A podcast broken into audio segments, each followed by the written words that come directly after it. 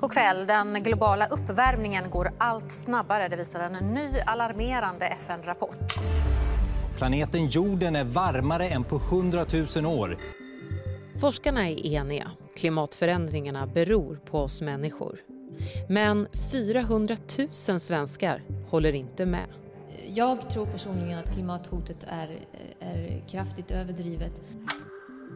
På en kvart får du höra vad som måste till för att hejda klimatkrisen. Och så undrar vi, är klimatförnekarnas tid över nu? Det är fredag den 13 augusti. Jag heter Karin Bülow Orje och du lyssnar till Dagens Story från Svenska Dagbladet.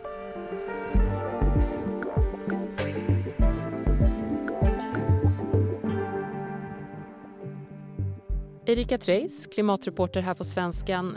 Den här tunga FN-rapporten som presenterades tidigare i veckan. Vad var de absolut viktigaste slutsatserna som IPCC la fram, tycker du? Ja, att det nu är utom allt tvivel att det är människan som skapat den globala klimatsituationen med en allt varmare planet, det som vi upplever allihopa just nu. Och att det också är människan som måste lösa problemet om vi ska kunna bevara jorden som vi känner den.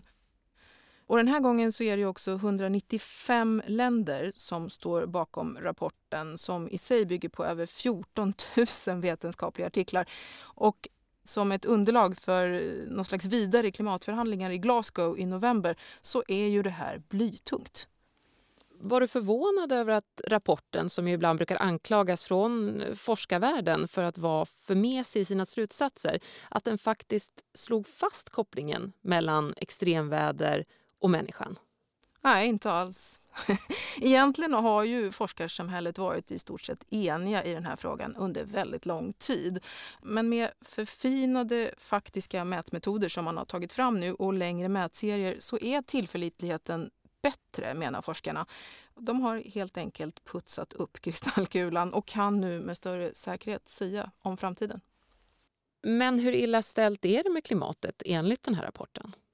Ja, det är ju det är ett väldigt högt tonläge den här gången och redan om 20 år så kommer den globala medeltemperaturen att nå eller att ha passerat de här 1,5 graderna då som man kom överens om i Parisavtalet.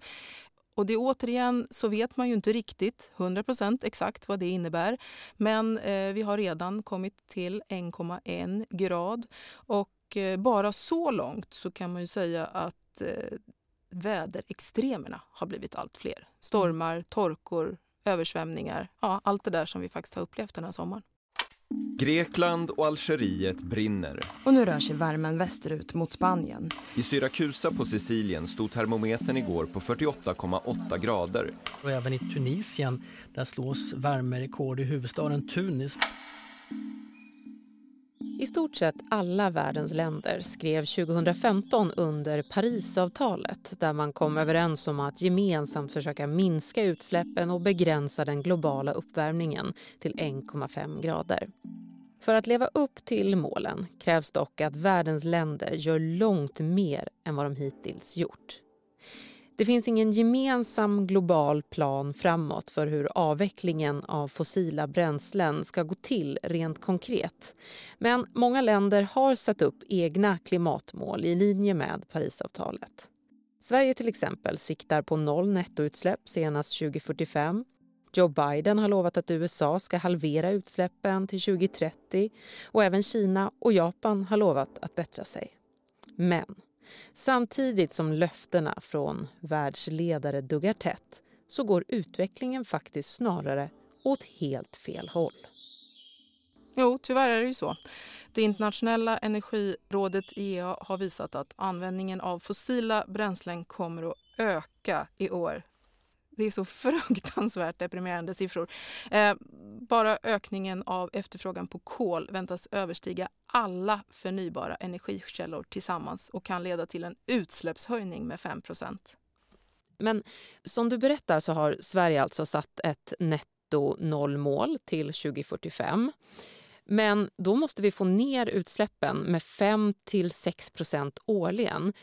Hur ska det ens gå till? Ja, det gäller att ställa om och det illa kvickt.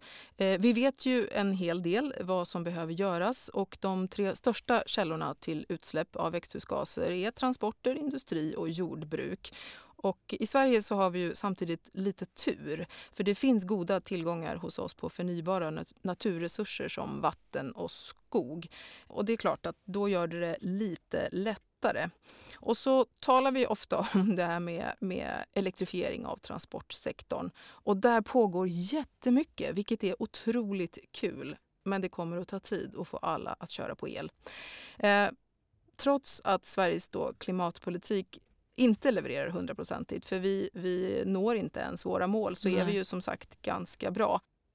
Näringslivet kör, det är också roligt. Eh, politikerna däremot, de sladdar fortsatt i bakvagnen. Och det här med tillståndsprocesser, det är en djungel, vilket inte minst eh, visats i det här debaclet med Cementa senast.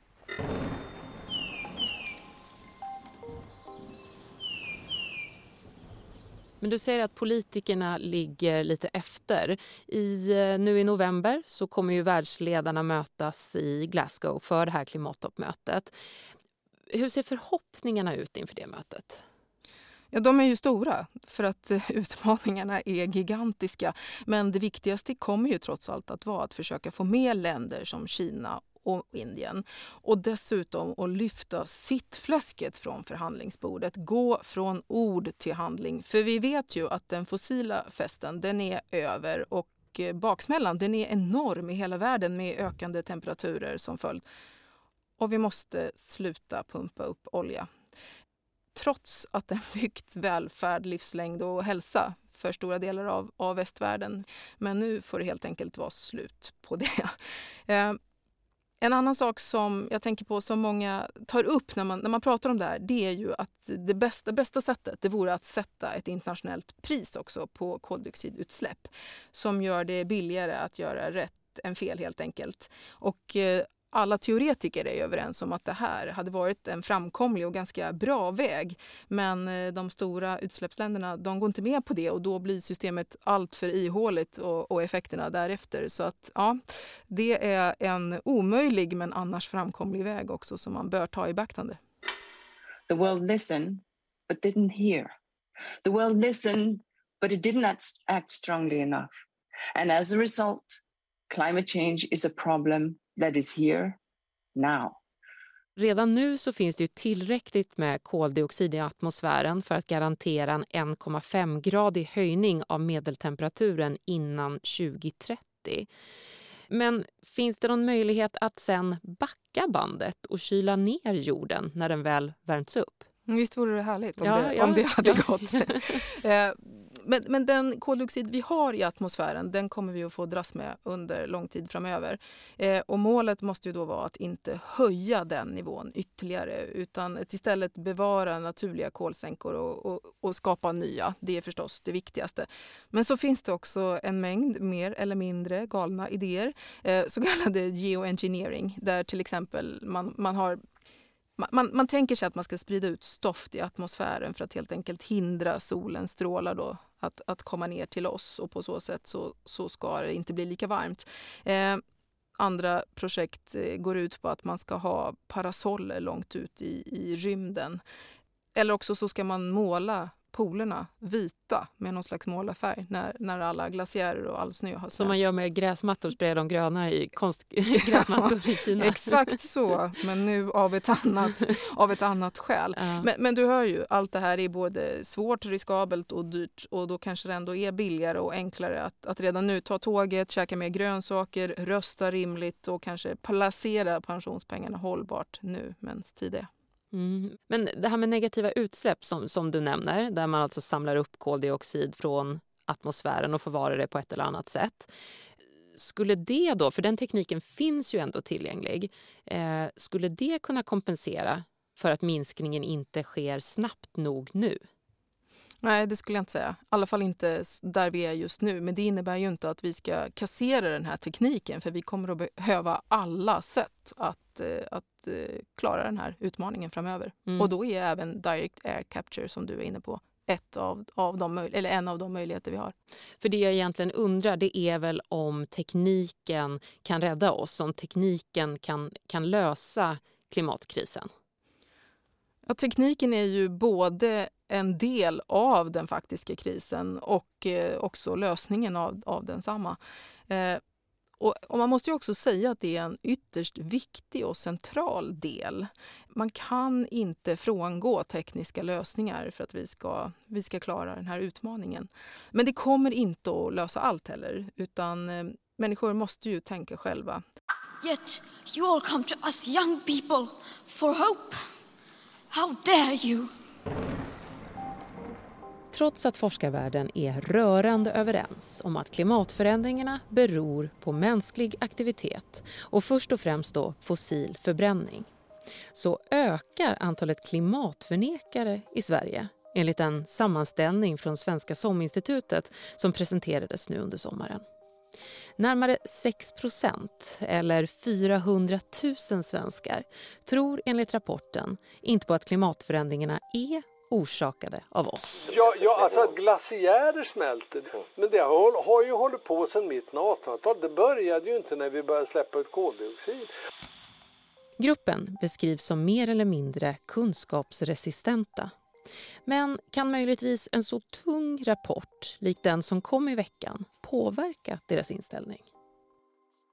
Nej, det tror jag egentligen inte. Och det beror ju på förstås på många saker men man ska ha klart för sig att det krävs nog långt mer än övertygande siffror och någon slags samlad vetenskap. För det finns alltid någon forskare eller liknande som har en annan åsikt. Och på förnekare eller tvivlare så biter inte argument som kommer från IPCC. För det, de menar att det är en politiskt styrd organisation, att det drivs av incitament som vi andra då inte förstår. Och sen får man inte glömma bort heller att, att eh, det vi har läst och sett under, under de senaste åren med trumpismen till exempel, som viftat med fake news-kortet så fort eh, något inte passar, det har gjort sitt till. Vi har en polarisering i vårt samhälle som vi kanske inte har sett tidigare. Och den högerpopulistiska falangen de har varit urduktiga på att kommunicera just sin världsbild. Eh, och eh, idag så finns det forskning som säger att den ideologiska klimatförnekelsen den når en tiondel av befolkningen dagligen. Det vill säga att är du förnekare så blir du också bekräftad i din världsbild på daglig basis. Och då kanske inte en rapport, om den så bygger på samlad forskning. Eh, den biter inte helt enkelt, det fungerar inte. All of this with the global warming and that, a lot of it's a hoax. It's a hoax. Men om vi tittar på de här siffrorna från SOM-institutet då. 6% av Sveriges befolkning tror alltså inte på människans påverkan på klimatet. Kan man säga att det finns en typisk svensk klimatförnekare? Nej, det tror jag egentligen inte. Det är en jättestor grupp. 400 000 svenskar enligt mm. det institut som du just nämnde. Men inom gruppen så har det ju visat sig att ja, lite, lite det vanliga, om man får säga så, att de flesta är män. Och att förnekelse finns i högre grad bland lågutbildade jordbrukare och företagare än i befolkningen som helhet. Och de flesta de befinner sig på högerkanten politiskt. Eh, det finns också ett tydligt samband mellan tillit till samhället i stort och klimatförnekelse. Det vill säga att tror du att makten är korrupt, då litar du heller inte på de här sakerna och vill stå utanför helt enkelt. Mm, och då handlar det mycket om den här polariseringen som du Absolut. nämnde tidigare. Men, men jag vill ändå på påpeka att alla jordbrukare är förstås inte klimatförnekare. Det är bra. Ja, det är bra, eller hur? Men, men, men eftersom, om, om man så här tänker, om, om vi enas om att jordbruket ofta pekas ut som någon slags miljöbov så, så är det inte konstigt att, att det är inom den sektorn som också många reagerar.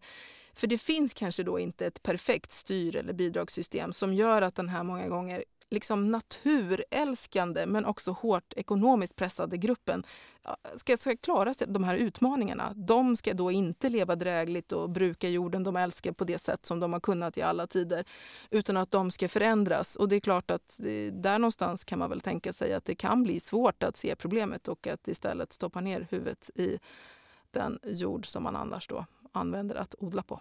Mm. Avslutningsvis, Erika, om eh, inte den här rapporten som kom från FN i veckan är bevis nog, finns det något som skulle kunna få klimatförnekare att ändra inställning, tror du? Ja, det är nog svårt.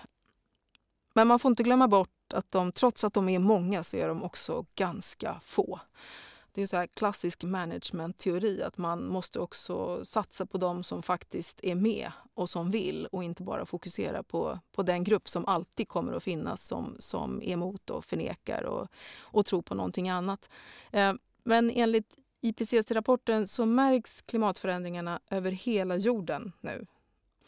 Och det är klart att det kommer att påverka oss alla över tid. Men retoriken och politiken och att orka tala också med dem som inte tycker som jag och du och vi. Ja, det kräver ju både mod, tålamod och kunskap och, och det, det är inte helt enkelt. Jag försöker dagligen men det finns en gräns. ibland går det helt enkelt inte. Det finns liksom ingen framkomlig väg och man får lägga på eller, eller dra ett streck över den konversationen. Men ibland kanske man kan hitta ett annat sätt att prata om. Och plötsligt så står vi, om inte på samma sida, så i alla fall så är det en konversation som går att hålla och ett litet frö kanske blir sått till att vi också någonstans vill bevara den här planeten som vi har fått i arv och kanske ska kunna lämna vidare till kommande generationer. Tack Erika Treis för att vara med i Dagens Story. Tack. Dagens program producerades av Daniel Persson Mora Redaktör var Adam Svanell och jag heter Karin Bylov Orje.